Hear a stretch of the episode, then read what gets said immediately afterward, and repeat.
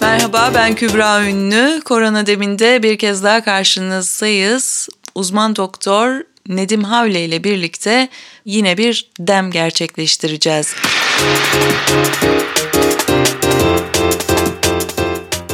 Bugün konuya girerken memlekette yaşanan depremden yola çıkarak konumuzu belirledik. Pandemi ve deprem yani pandemi sürecinde yaşanan doğal afetlerle birlikte psikolojimiz ne oluyor, nereye evriliyoruz, nereye çevriliyoruz? Hocam merhabalar, hoş geldiniz. Merhaba, hoş bulduk. Nasılsınız, iyi misiniz? İyiyim, teşekkür ediyorum. Sizler nasılsınız? Çok sağ olun ama bu afet psikolojisiyle birlikte çok da iyi olduğumuzu söyleyemeyeceğim açıkçası. Çünkü her evet. gün gözümüze dayatılan o e, görüntülerle birlikte bildiklerimiz ve unutmaya çalıştıklarımızı da hatırlamaya başlayınca ister istemez bir e, yeni bir depresif hava var üzerimde açıkçası benim bütün bu evet, e, deprem sürecini yaşarken. Ancak e, bir taraftan da bir pandemi süreci devam ediyor ve İstanbul bazında yükselmeye devam eden de bir seyri var e, Covid-19'un. Bütün bunlar birleşince alt üst olmaya doğru meyilli bir psikoloji de ortaya çıkıyor diyebilmek mümkün mü acaba?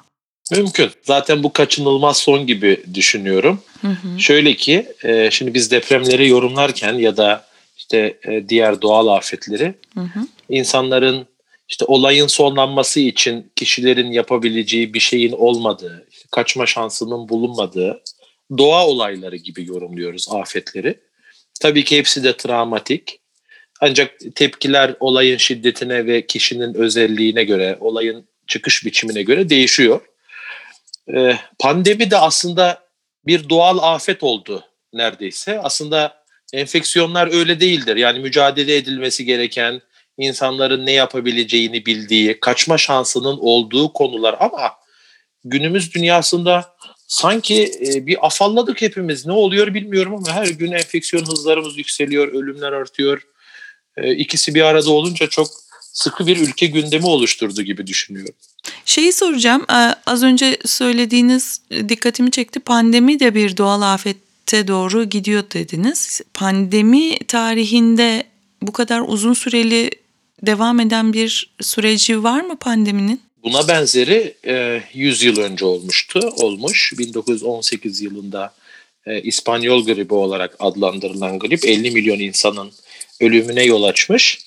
O tarihten bu tarihe e, bu denli kapsamlı bilinen e, toplumları derinden etkileyen bir pandemi literatürde yok. Epidemiler var, küçük salgınlar var. İşte MERS, SARS gibi, hı hı. Ebola gibi. Ancak e, koronavirüs pandemisi bu denli güçlü, e, bu denli yoğun yaşanan bir süreç hiç olmadı. E, o nedenle doğal afet artık bence. Çünkü hmm. artık insanlar gerçekten yapabileceği bir şeyin olmadığına inanmaya başladı. Bir ruhsal e, yılgınlık da var. E, insanların kurallara uymamasını vesaire başka bir şekilde açıklamak mümkün de değil. E, çok korunan insanlar da enfeksiyona yakalanabiliyor. Bu da sanki kaçma şansının bulunmadığı bir olay gibi. Yani bir doğal afet tanımına döndü koronavirüs pandemisi. E, açıkçası bu pencereden baktığımda ironik bir yaklaşım olmakla birlikte e, sanki pandemi eşittir bir doğal afet gibi. Yani süre bazında da bu kadar uzun süreli yok diyorsunuz anladığım kadarıyla değil mi? Süre açısından şöyle söyleyeyim.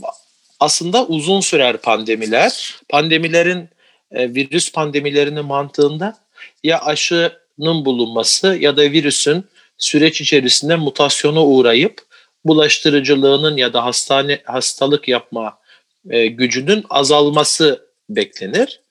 E, bu olmadığı zaman şiddetlenerek hatta ikinci, üçüncü pikler yani yeniden salgın atakları yaparak e, toplumun geniş bir kesimini enfekte eder ve zaman içerisinde doğal bağışıklık oluşturur.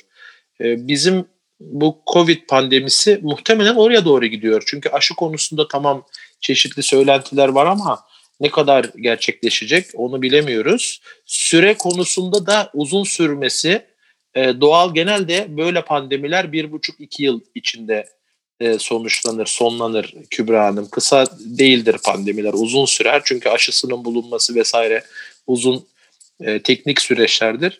E, bunda da ben süre açısından değil ama toplumları enfekte etmesi ve toplumların hazırlıklılığı konusunda e, bu dönemin daha şiddetli geçtiğine inanıyorum. Şimdi bu bu süreci yaşarken e, bizim elbette ki çeşitli kriterlerimiz çok önemli. İşte sosyoekonomik durumumuz, e, eğitim düzeyimiz vesaire vesaire ama bunların hepsi bir kenara kalktı. Stresle başa çıkma becerimiz, işte korkuyla başa çıkma becerimiz, ruhsal anlamdaki becerilerimizi de biz artık yitirir duruma geçtik gibime geliyor. Ya da bunlarda bir tükenmişlik başladı artık. Ben e, çok yakından gözlemlediğim kadarıyla böyle şeyler de görüyorum ama siz neler söylersiniz? Şöyle doğru insan e, biyopsikososyal bir varlık. Biyolojik yönü, psikolojik yönü ve sosyal yönü var. E, sosyal yönü bu dönemde darmadağın oldu insanoğlunun hmm. tüm dünyada.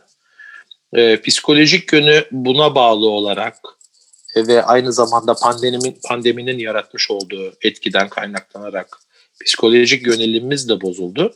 Açıkçası biyolojik durumumuz da bozuldu. Yani sağlığa ulaşmamız da azaldı biliyorsunuz hastaneler tabii, bu aralar tabii, tabii. sıkıntılı hekimlere ulaşmak, sağlık sistemine ulaşmak zorlaştı. Hasta olmamak için e, ekstra bir gayret sarf ediliyor. Hasta olduktan sonra da neler yapılacağı üzerine de çok evet. kimse bir şey bilmiyor. Herkes bir ciddi korku içerisinde. Hastaneye gitme korkusu, doktorla yan yana gelme korkusu bile artık ciddi bir korku.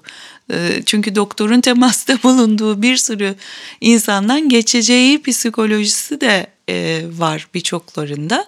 O yüzden doktora gitme, hekime gitme, başvurma sayısında da bir azalma var gibi geliyor bana. Evet hastaneler bu noktada gerçekten azaldı. Bizim poliklinikler azalmadı ama genel itibariyle bir azalma var. E, bu da biyolojik yapımızı da bozuyor. E, biyopsikososyal varlıktık. E, ekonomistler buna biyopsikososyoekonomik e, diye bir ekleme yaptılar. Politikacılar buna özellikle uç politikayla ilgilenenler biyopsikososyopolitik varlıktır dedi insanoğlu için. E, Covid pandemisi politik yapımızı da bozdu, ekonomik yapımızı da bozdu. Yani nereden tutsan tutarsızlık. O noktadayız gerçekten. E, insanın bu süreçten azami şekilde etkilenmesi de beklenen bir durum. Biz öğrenilmiş çaresizlik yaşayan bir varlığız insanoğlu olarak. Yani kendi kontrolümüz dışında gelişen her olaya aslında yoğun duygusal tepki veriyoruz. Çoğunlukla fazla yoğun duygusal tepki bir süre sonra vücudun duyarsızlaşmasına, sinmesine, içe kapanmasına yol açıyor. Bu bahsettiğimiz tükenmişlik bence oradan geliyor. O yüzden duyarsızlaştık. İlk dönemdeki yoğun reaksiyon bir süre sonra duygusal küntlüğe, duygusal duyarsızlığa döndü. Bence insanın psikolojik evrimi bu süreçte böyle oldu. Şimdi İzmir'de yaşanan depremde e, Allah rahmet eylesin vefat edenlere, kalanlara sabırlar diliyoruz, geçmiş olsun diyoruz bir daha ama şimdi şöyle bir şey de gördüm ben. Yani görüntüler onu gösterdi. Bir merhamet duygusu var ve o merhamet duygusu anında e, kocaman bir refleks olarak ortaya çıkıyor ve e, Covid-19 unutuluyor. İnsanları o göçüklerin altından kurtarma telaşıyla bir e, ekstra gayret sarf ediliyor. Bu birincisi. İkincisi e, yardım e, ağı örülüyor ve bu yardım ağı içerisinde yine Covid-19 unutuluyor ve bir e, toplu yaşam alanı oluşturuluyor işte sahalarda e, veya işte çeşitli alanlarda.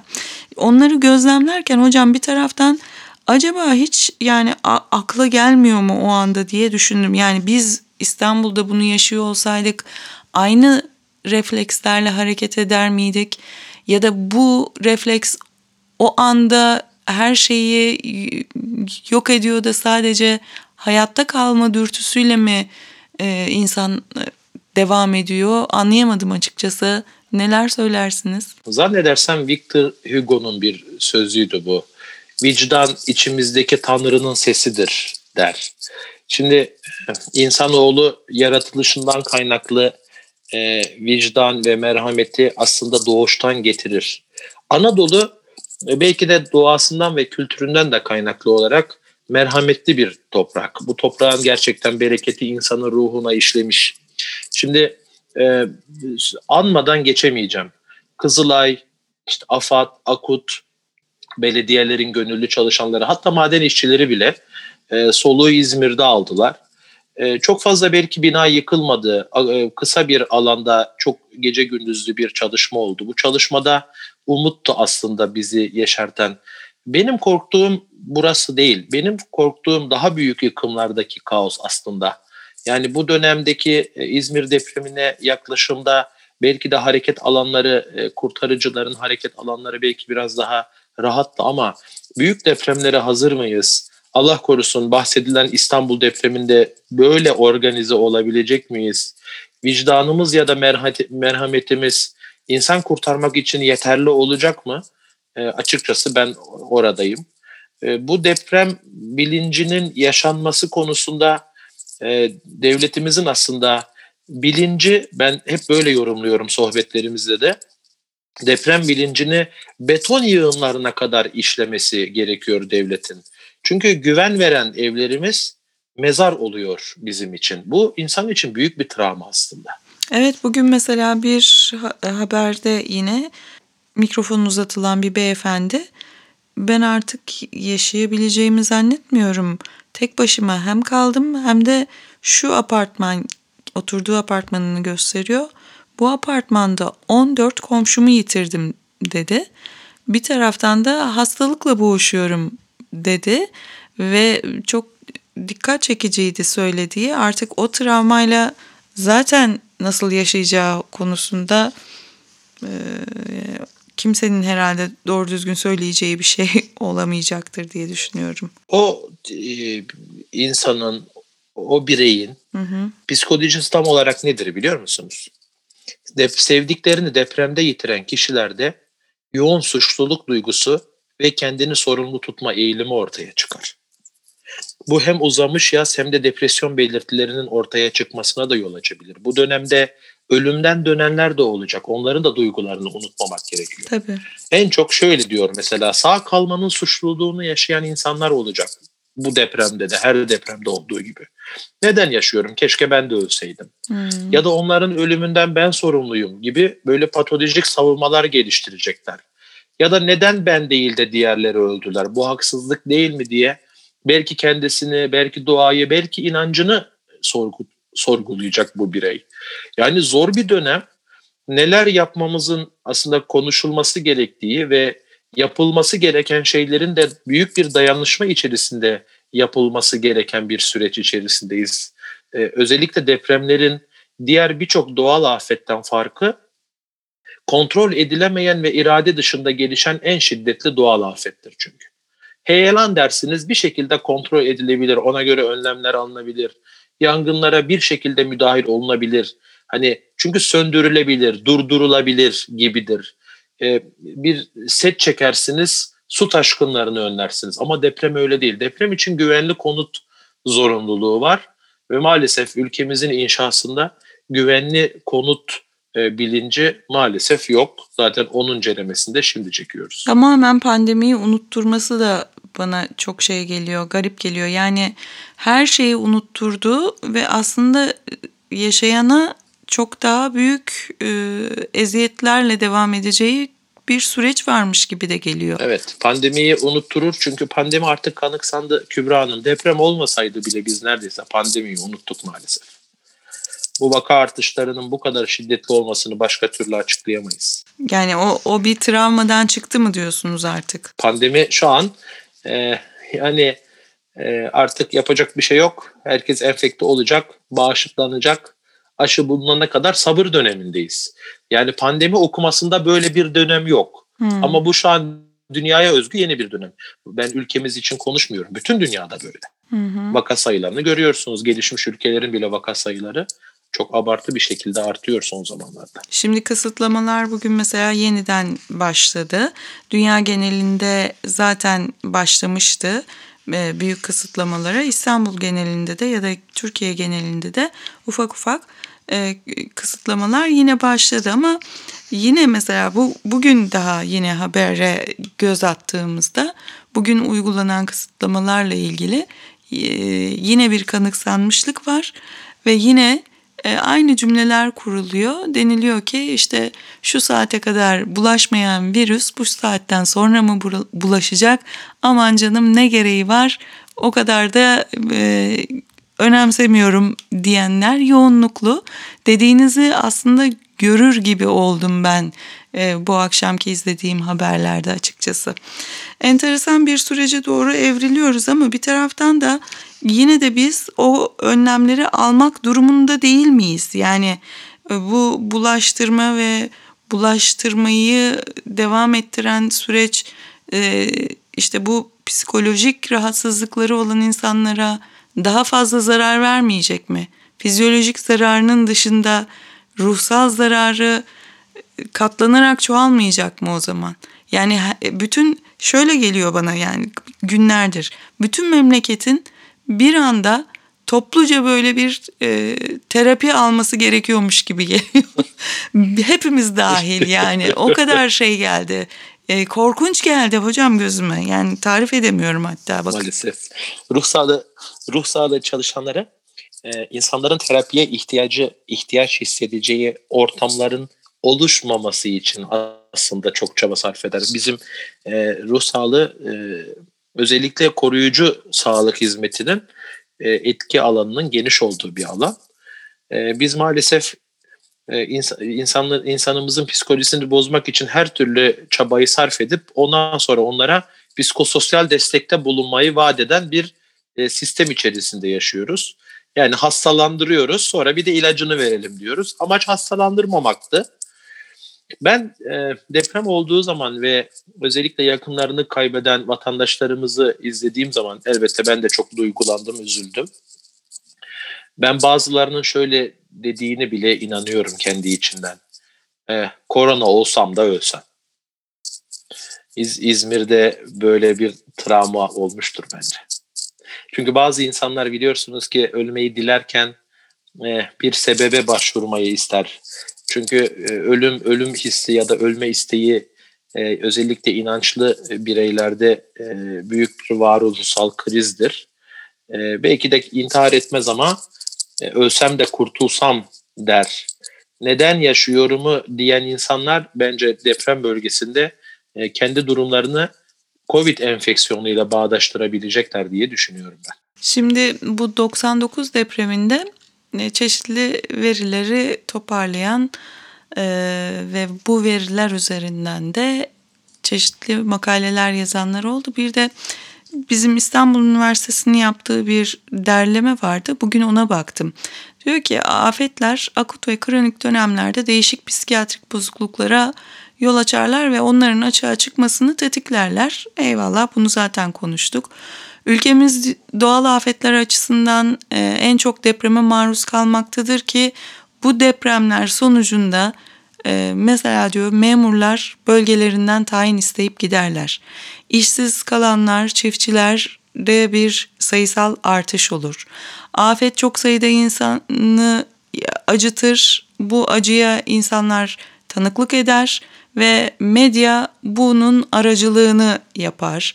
Afetten sonra toplumda tahribat, bireylerde yıkım ve ekonomik kayıplar ortaya çıkar ve bunun devamı var. Bunlar böyle madde madde devam ediyor.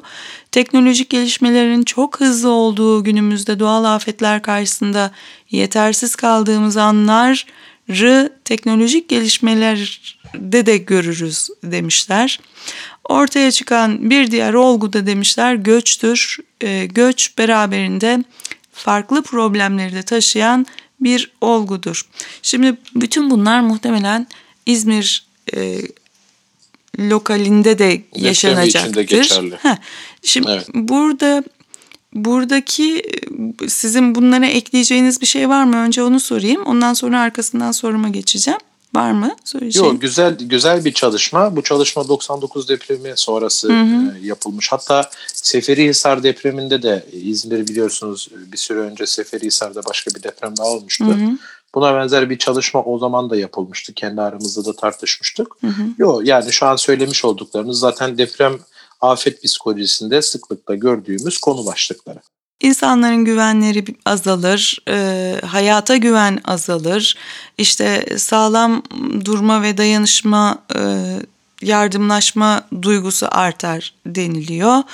Şimdi bugün gördüğümüz resimlerde birkaç gündür izlediğimiz e, haberlerde küçük işte o küçücük e, çocukların çıkarılış anları ve o çıkarılış anları ile birlikte bir hezeyan içerisinde sunumlar e, bana açıkçası çok kötü geldi. Evet izlerken merak ediyorsunuz çünkü sonuçta gözünüze dayatılan bir şey var. Onu kapatıp da devam hayat devam ediyor diyemiyorsunuz. Ona bakıyorsunuz, merak ediyorsunuz sonunda ne olacağını. Ama ben çok rahatsız oldum bir süre sonra. E, çünkü işte orada yaşanılan o tamam e, yardım etme, çocuğu kurtarma, e, oradan çıkarma duygusu eyvallah. Ama toplu olarak terapi olmamız gereken dediğim yer de orasıydı zaten.